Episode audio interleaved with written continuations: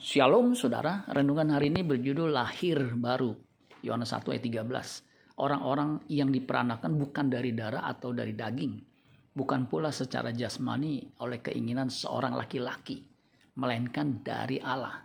Terjemahan bahasa Indonesia masa kini, Yohanes 1 ayat 13 dikatakan begini.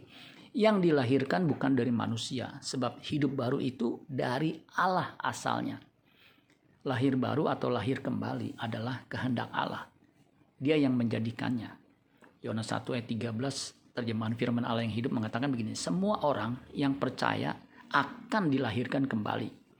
Tetapi bukan kelahiran jasmani sebagai hasil dari nafsu atau rencana manusia, melainkan karena kehendak Allah.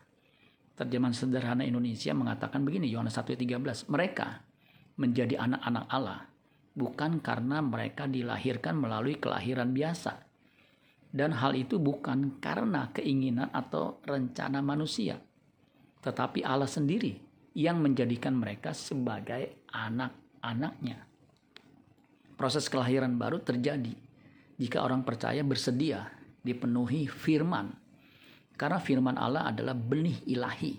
1 Petrus 1 ayat 23. Karena kamu telah dilahirkan kembali bukan dari benih yang fana, tetapi dari benih yang tidak fana, oleh firman Allah yang hidup dan yang kekal.